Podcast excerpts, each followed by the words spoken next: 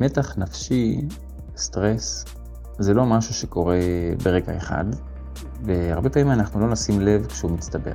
אז באופן טבעי בעבודה אנחנו רוצים להיות זמינים ולעשות עבודה טובה, אבל לפעמים יש ניהול לקוי באשמתנו או לא באשמתנו, הערכות זמן שלא היו נכונות, משהו שהסתבך, כל מיני תוספות שלא צפינו, כל מיני הפתעות שמאתגרות אותנו. והעבודה יכולה לגלוש לכל מיני שעות מוזרות, ולפגוע בחיים אישיים, וטלפונים בשעות מוזרות, ולקוחות שהם לוחצים, והדברים האלה מצטברים, מצטברים ומצטברים.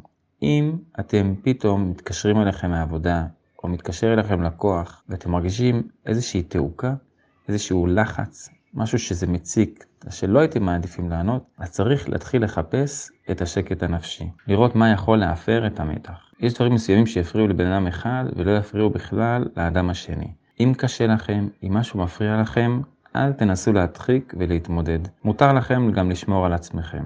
אם מישהו מחזיק אתכם על הטלפון עם המון תיקונים, אתם יכולים להגיד לו, בוא, תרכז את זה במייל ותשלח לי את התיקונים. מי שמתקשר בשעה לא נוחה, אפשר להגיד זה שעה לא נוחה. חשוב מאוד לשמור על השקט הנפשי. כשיש מתח, לא להדחיק. זה מצטבר וזה מציק וזה פוגע. אז תנסו לחפש את השקט הנפשי, למצוא את הנקודות הבעייתיות, וכן, להתייחס אליהן ולטפל בהן.